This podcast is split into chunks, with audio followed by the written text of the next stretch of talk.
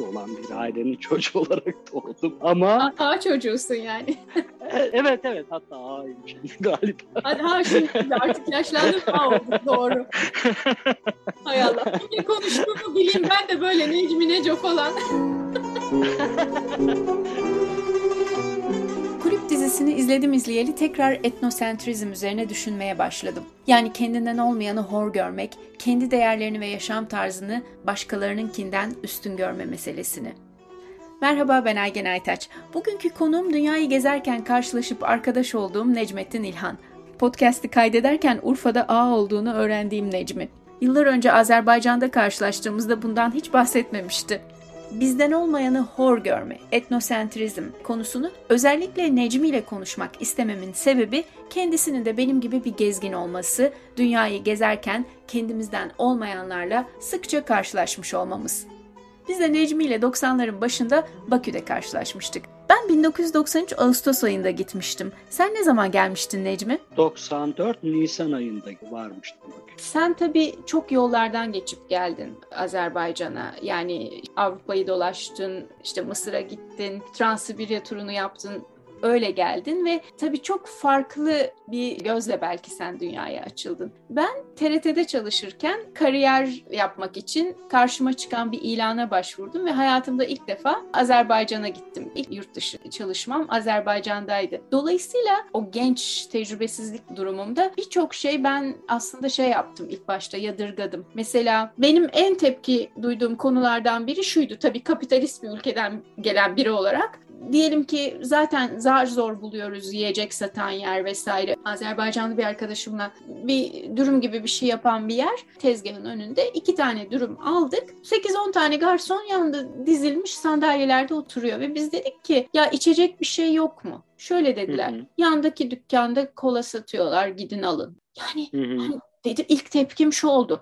Ya ne biçim bir şey bizim ülkemizde olsa bunlar o hepsi 10 tanesi koşmuştu bahşiş almak için. Hiç rahatlarını bozmadılar diye ben tepki duymuştum. Ama bir yandan da kapitalist bir ülkeye gidiyorsun. Diyorsun ki bak para için bunlar bilmem neyi satarlar. Yani. evet, evet ama hayat denge. Yani her yerde öyle. Fikirlerimizde de, hayatımızda da değil mi? Evet. Ekonomide de her yerde bir, bir denge. Herkes için bir denge. Her, her şey için bir denge. Bir de anlayabilmek. Onlar hayatları boyu devletten maaş aldıkları için ne iş olursa olsun öyle bir bahşiş sistemi olmadığı için onların işte belki koşturmaması normaldi. Yani bana anormal evet. yani o, o anda hem anlamak hem de ille de o kötü bu kötü diye de gitmemek. Dediğin gibi denge. Ya bazen işte bazı insanlar için trende kaçmış olabiliyor.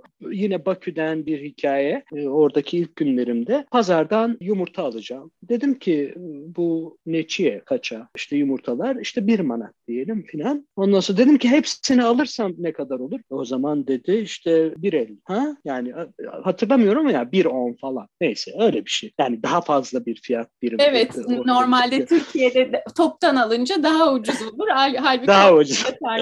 Evet. Ve bir şeyi yani yumurta üç tane değil de beş tane almak istiyorsan o zaman biraz daha fazla para vermen gerekiyordu Sovyet döneminde. Değil mi? Normalde hakkın 3, işte el altından sen 5 alıyordun tamam mı? 10 alıyordun kaç tane almak istiyorsan. Onun için daha fazla ödemek zorundaydın. Şimdi böyle bir ekonomiden gelen 70 yaşındaki kadının bir günde bütün dünya anlayışını, görüşünü değiştirmesini bekleyemez. Benzer böyle bir sürü benim karşıma çıkan şey vardı. Yadırgadığım. Mesela zarfların üstüne hep ilkokuldan beri biz öğreniriz ya gönderilecek yer işte şöyle orta kısmına yazılır e, sağa doğru zarfın üstüne. Onlar sol üst köşeye yani bizim gönderen kısmına onlar gideceği yerin adresini yazıyorlardı ve ben o zaman şöyle diyordum. Allah Allah ilkokulda öğretilen bilgiyi nasıl yani bunlar bilmiyor mu? Halbuki Sovyet sisteminde basılı zarflarda gönderilecek yerin adresi sol üst köşeymiş. Daha sonradan öğrendim. Ve bunu öğrendiğim gibi daha önceden yadırgadığım birçok şeyi o insanları tanıdıkça, o kültürü tanıdıkça sonradan öğrendim ve yadırgamamam gerektiğini öğrendim. Yani kesinlikle benim için bir olgunlaşma süreci oldu orada. Gerçekten de ben gizli ya da açık hepimizin içinde bu tür kendi kültürümüz, kendi değerlerimizle ilgili şeyler olduğuna inanıyorum. Yani böyle sanki bizim değerlerimiz en üstün. Hani bizim yaptığımız şeyler çok üstün. Bu sadece ülkeler arasında da değil. Yani sen biraz farklı kültürden biriyle evlen ya da işte birlikte yaşa. İşte o sabun koysun mutfağa. Sen buna alışık olma. Olur mu böyle şey? Nasıl yani diyorsun ama sonradan aa ne kadar mantıklı diyorsun bir süre sonra. İlk farklı bir davranışla, farklı bir durumla karşılaştığında çok az insan aa aa ne iyi fikir desin. Evet, Genelde evet. değil mi hepimizin böyle bilmiyorum senin Azerbaycan'da bu tür şeylerin oldu mu ama gittiğinde yadırgadığın şeyler yapılış çok yani şöyle yadırgamakla ilgili değil ama yani onu, onu yadırgamak evet yani alışık olmadığım bir durum. Şimdi biz öyle ya da böyle Türkiye yani Batı bloğunun parçası sayılır. Yani kültürel kodlar açısından söylüyorum. Ve hani işte modernizm Türkiye'deki tırnak içerisinde din hani sayılır. Herkes için. Yani dindarın dini de modernizm Türkiye'de. Bizde modern görünmeyen her şey kötüdür. Değil mi? her şey ama şeyde Sovyetler Birliği kendine bir dünya yaratmıştı ve bu dünyada kodlar farklıydı. Ve o kodlara biz hiç mi hiç alışık değildik. Bizim için o dönemde badem bıyık yani işte hani oradaki olmaması gereken doğulu falan. hani hatırlarsın belki şeyde böyle gittiğimiz bir restoran vardı şu yer altında. Evet evet. Yani orada işte böyle diplomatların vesairenin gittiği bir yer. İçeride bir tane piyano duruyor, bir tane tar duruyor. Bir hanım geldi. Üzerindeki elbise naylondan yapılmış bir kumaş. Böyle fırfırlı falan. Yani tırnak içerisinde modern durmayan. Ondan sonra bir tane böyle bir de aşırı bir adam geldi. O dönemde bize evet. aşırı makyajlı gelirdi oradaki kadınlar. Hatta evet, onlar da beni makyaj yapmadığım için köylü gibi görürlerdi. Mesela ha, tam tersi. Biz ama biz de onları makyaj yaptıkları için köylü görürüz. Evet. Sonra işte böyle hani ceket vesaire böyle klasik elbiseli ama çok ütülü gibi durmayan işte hani böyle janti olmayan biraz kelli felli bir adam geldiler. İşte kelli felli adam piyanonun başına oturdu. O fırfırlı elbiseli kadın da para aldı ve çalmaya başladılar. Öyle nasıl şok olduğumu yani şimdi bile hatırlıyorum. Yüksek Böyle dibim düştü. Eridim. Olamazdı, olabilemezdi. Yani nasıl oluyordu işte tarla piyano bu kadar uyumlu olabilir? Öyle bir müzik yaptılar ki o bütün o etnosentrizmi ya da işte yani o bloğa bakışımı birden değiştirdi. Bir dakika ben bu gözle bakamayacağım buna. Yani burada başka bir şey var. Anlamam gereken bir durum var. Pozisyonuna geçtim. Ha bu demek değildir ki ona alışırsın bilmem. Ya bugün bile hani tercih edemeyeceğim şeyler olabilir. Ama onun kendi içerisinde bir dünya olduğu ve kendi kodlarıyla değerlendirilmesi gerektiğini bilmek lazım. Bu şey değil mi? Mesela burada diyelim ki yanında çalışan kadın bir yufka açsın ince belki kendini üstün görüyorsun. Büyük büyük tırnak içinde işler yapıyorsun vesaire. Hani onu eğitimsiz görüyorsun. Ama bir yufka açıyor böyle bir tül inceliğinde. Çırak oluyorsun bu yetenek karşısında. Yani hı hı. aslında herkesin kendi içinde bulunduğu koşullarda yapabildiği ve yapamadığı şeyler var. Önemli olan bunu farklılıklarla karşılaştığımızda hemen yargılamamak. Aa bu böyledir işte dediğin gibi kıyafete bakarak. Bak mesela ben Türkiye'de bu ayrımcılığı çok daha fazla görüyorum. Evet, Türkiye'de hatlar daha keskin. Türkiye'de herkes e, kendi siperinde ve birbirine ateş ediyor. Farklılıklardan korku ve farklılıklara tepki aslında bizi bu kutuplaştığımız hem siyasi hem her konuda kutuplaştığımız internette o sosyal medyadaki kutuplaşmalar, dini kutuplaşmalar, etnik kutuplaşmalar bizi bu noktaya getirdi. Ne yazık ki bu farklılıklara olan saldırganlığımız. Hani ille de kendimizi üstün görmek, kendi yaptığımızı iyi görmek. Herkes bir hayat yaşıyor yani. Bunu aşmanın yolu diğerini tanımaktan geçiyor. Ve hakkı teslim etmekten geçiyor. İşte Urfa'da doğdum ya, orayla da şimdilerde ne bileyim orada hala gidip çiftçilik yaptığım da oluyor. Şimdi Urfa'ya gidiyorum ve şey diyorlar çiğ köfte dünyanın en güzel yiyeceği. Çiğ köfte güzel ve özgün bir şey. Ona da eyvallah. Ama dünyanın en güzel yiyeceği diyemezsin. Olmaz. Yazık olur yani dünyadaki o kadar güzel şey. Yazık olmaz mı? bir bu vardır başka bir şey yoktur demek işte bu bu çok fena. Bunu Türkiye'de her bölge yapıyor. Biliyorsundur. Türkiye'de her aile e, sivil toplum evet sivil toplum diye Hani Türkiye'de işte hemşeri dernekleri yani Türkiye'de en güçlü olanlar hemşehri dernekleri. Ne Doğru. demek bu? Bu mikro milliyetçilik demek yani. Hani Aynen öyle. Etnosentrizm demek. E hani bunu, bizim e, sivil... yolu yolsuzluğa kadar gider yani e, kendini kendi e, tabii. memleketini kayırmak, işe almak Aynen. kadar gider. Yani bunların amacı ne işte? Kendi hemşehrisini korumak. Bu ötekini dışlamak ya da ötekini bir kenarda bırakmak demek bir kere. Bunu nasıl aşacağız? Nasıl yapacağız? Benim bir sihirli değneğim yok. Ama, yani ama dediği evet. gibi karşılaşmalar çok önemli. Yani gerçekten de biz de mesela gittik Azerbaycan'da çalıştık sonra başka ülkelerde çalıştık. Orada mesela ilk başta tepki duyduğumuz şeyler sonra bizim en sevdiğimiz şeyler oldu. Doğru. Özellikler oldu. Dolayısıyla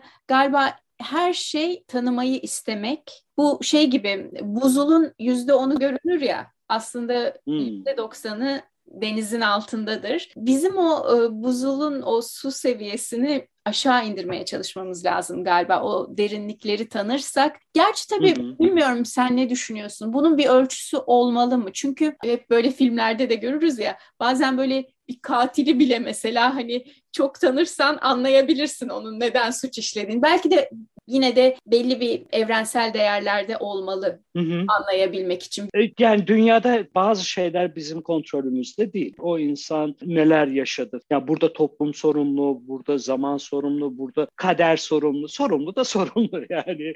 hani içinde içine doğduğu şartlar sorumlu vesaire. Fakat sonunda böyle bir manzara var. Önemli olan aslında bu onu bu hale getiren bataklığı ortadan kaldırmak. Yani ona bataklık diyelim tabii ne diyelim şartları. Hani bunlar orada olduğu sürece o sonuçlar ortaya çıkacak. Şimdi şeye bakıyoruz yani dünyadaki çatışmalara e, madem ikimiz de Birleşmiş Milletler kökenli ve hakikaten çatışmalı bölgelerde çalıştık. Yani ben daha sonra işte Bosna'da da çalıştım, Hırvatistan'da çalıştım savaş döneminde. Sonra işte Romanya'da değişim dönüşüm döneminde oradaydım. Kafkaslar'da bilmiyorum beraber Tiflis'e falan da gittik hatırlarsın belki. Ondan sonra hani o zamanlar Kafkasya'da çatışmalar devam ediyordu. Dünyada bir sürü çatışma alanı, çatışma bölgesi var ve batılı değerlerle baktığımda ya işte bunlar birbirlerini kesiyorlar, öldürüyorlar vesaire filan. Ama öbür tarafa baktığında dünyada bir dengesiz ticaret anlayışının olduğunu, dünyada bazı bölgelerde gelir dağılımının çok çok kötü olduğunu, bazı bölgelerde kuraklıkları doruk noktaya ulaştığını vesaire görüyorsun. Ve artık insanlar kendini nasıl bir geleceğin beklediğini görüyorlar, biliyorlar. Eski dünyada belki onu görmüyordu, bilmiyordu. Bugünkü dünyada görüyor, biliyorlar. Ve sonra bu adam Sahra çölünü yürüyerek geçip kendini Akdeniz'e atıyor. Sonra da Avrupalı diyor ki ya siz niye geliyorsunuz? Arkadaş bunlar gelecek. Bunun önüne hiç kimse geçemeyecek. Peki sen olsaydın ne yapardın? Afganistan'da doğdun. Taliban seni alacak 13 yaşında 12 yaşında asker yapacak. Eline silah verecek başkasını öldürtecek değil mi? Ve sen bir ailesin. Senin 13 yaşında çocuğun var. Ne yaparsın? Alırsın bütün birikimini o çocuğun cebine koyarsın. Git oğlum, git kızım kendini kurtar dersin. Hı hı. Bunu nasıl hallederiz? Evet Afganistan'ı dünyaya katarak halledebilirsin. Bu dünya hepimizin deme düşüncesi olmadan bunun çözümü yok. Bu, bu yani Almanya'daki de Türkiye'deki de Suriyeli'ye öyle diyor. Geldiler düzenimizi bozdular. Ya adam ölüyordu. Savaş var. Yani sen sen İdlib'de yaşamak nedir? Hiç kendini onun yerine koydun mu? Şimdi yağış var. Şu anda yağış var bugün. Nasıl bir hal olabileceğini düşünebiliyor musun? 300 bin tane çadırda ve sen çamurların içindesin. Ve ayakların donuyor. Ve yatağın o çamurun karın içinde yürüyor. Biz bunları... ve, ve para yok. Ve ne, ne, yarın ne, ne yiyeceğini bilmiyorsun. Ve çocuksun ve baban ağlıyor. Ya da annen sana bakıyor baban ölmüş o, o yüzden hani bir şeyler, bir yorumlar yaparken, bir şey sokaktaki insana bakarken ya da işte göçmene bakarken bir iki kere daha düşünmemiz lazım. Ha bu böyle olmasın istiyorsun. Kusura bakma bu dünyayı biz böyle yaptık. Buna katlanacağız. Aynen. Şey gibi bu geçenlerde bir söz okudum. Bir çığın içindeki her bir kar tanesi suçsuz olduğunu iddia eder diye. Değil mi? Halbuki bir evet çığ var ve hepimiz aynı şekilde bu çığda yuvarlanıp gidiyoruz. Ve ona katkıda katkıda bulunuyoruz. Onu da unutmayalım. Aynen ona katkıda bulunuyoruz. Vicdanlı olalım ya. Adil olalım. Biraz anlayış gösterelim. Bir de biraz sabır gerekiyor. Herkesin zaman algısı aynı değil. Yani Doğru. hemen anında karar veriyoruz. Bir şey bir şey olmayınca, anlaşılmayınca vesaire. Hani biraz o sabır da gerekli. Bir de evet. Dü- dünyada ben hani böyle işte mutlak iyi mutlak kötü diye bir şey olduğunu düşünmüyorum. Yani başıma gelen şeylerden söyleyebilirim. Ya bugüne kadar şahsen ben kötü insanla galiba karşılaşmadım. Ben de öyle biliyor musun? Şimdi biz nasıl bir şey veriyorsak onu alıyoruz. Güzel bir hikaye anlatacağım. Şimdi sen Bakü'den ayrıldıktan sonra işte bir süre daha biliyorsun ben orada kaldım. Bir seferinde bir tane işte arabam oldu. Onunla Türkiye'ye döneceğim. Gürcistan üzeri döneceğim ama Gürcistan'da çatışmalar devam ediyor. Neyse sınıra geldim. Sınırda kalır hani sabah erken saatte çıkarım diye düşünmüştüm. Ama işte o gezgin ruhum devreye girdi. Hadi yola devam et dedim. Devam ettim işte Tiflis'e geldim. Bildiğim bir tek işte UN ofisi var. Ee, vardım ofise fakat geç kalmışım. Ofis kapanmış. O da kenar mahallede bir yerde. İşte sokakta çocuklar var, gençler var. Bir çeşmenin başında duruyorlar. Belli ki mahallenin koruyucuları. İşte herkes o sıralar böyle mahalleler çatışıyor falan. Ne arıyorsun dediler. Dedim ki işte hani burada ofistekiler onlar gitti dediler. Ya ben aslında bir otel falan gibi bir yer arıyorum dediler. Biz onu hallederiz dediler. İşte neredesin falan filan. 5-6 tane genç ellerinde şarap içiyorlar. Dediler ki içeceksin. Dedim ki ben içemem yani. Gidip otel bulman lazım. Benim hani kendime emniyet almam gerekiyor ya. Hayır dediler bizimle içeceksin bırakmayız. Rehin aldılar öyle diyeyim. Yani dostluk rehini ama rehin aldılar. Ve gece 11-12'lere kadar böyle ben sürekli böyle ne olur ben gideyim falan diyorlar ki tamam sen bırak kendini bize. Gece 11'de filan sonra işte hakikaten onlar bir arabaya bindi. Ben onların arabasını takip ettim. Başka bir mahalleye gittik. Bu arada da korkuyorum ya bunlar beni şey kaçırıyor mu? yani dostluk onu göstermiyor. Yaşadıklarımızın hiçbiri ona götürmüyor ama savaştayız ya. Başka bir şey değil. Sıradan bir evin onların bahçeleri olur ve büyük şey kapıları olur işte. Kapı açıldı filan biz içeri alındık. Abi teyzecik o gece ben orada yattım. Ertesi sabah kalktığımda bu çocukların hepsi kahvaltıda beni bekliyorlar. Çok hoş. Ve beni şehir çıkışına kadar götürdüler, yolculadılar, uğurladılar. Ne yani ben ben e, ben arttırıyorum, görüyorum ve arttırıyorum Eli. Ben e, Kenya'dayım, Nairobi'de bir toplantıdayız. Çok lüks bir otelde. Ama zaten Nairobi hani burada çok lüks bir bina, arkası dağ. Otelde toplantımız bitti. Ben de şeyi çok severim. Hiçbir şey almam hiçbir yerden. Ama böyle sokak sanatçılarından tablolar almayı çok seviyorum. Tek aldığım şey yurt dışına gittiğimde bu ve hemen otelin şeyine sordum görevlisine. Ya dedim buralarda böyle pazar yeri bir şey var mı? Hani pazar yerlerini gezmeyi bir de çok seviyorum. Tesadüf hemen otelin arkasındaki tepede, kırlık alanda pazar kurulmuş. Otelin kapıda bekleyen görevlisi beni arka kapıdan çıkardı pazara daha yakın olan kapıdan ve birdenbire çevremi 12 tane ızbandut gibi siyah genç sardı. Ne almak istediğimi öğrendiler. Zaten wow. İngilizce konuşuyor hepsi. Ve dağ tepe bende de hafif topuklu toplantıdan hani böyle etek ceket çıkmışım. O şekilde taş tepe yürürken ayağım takıldı.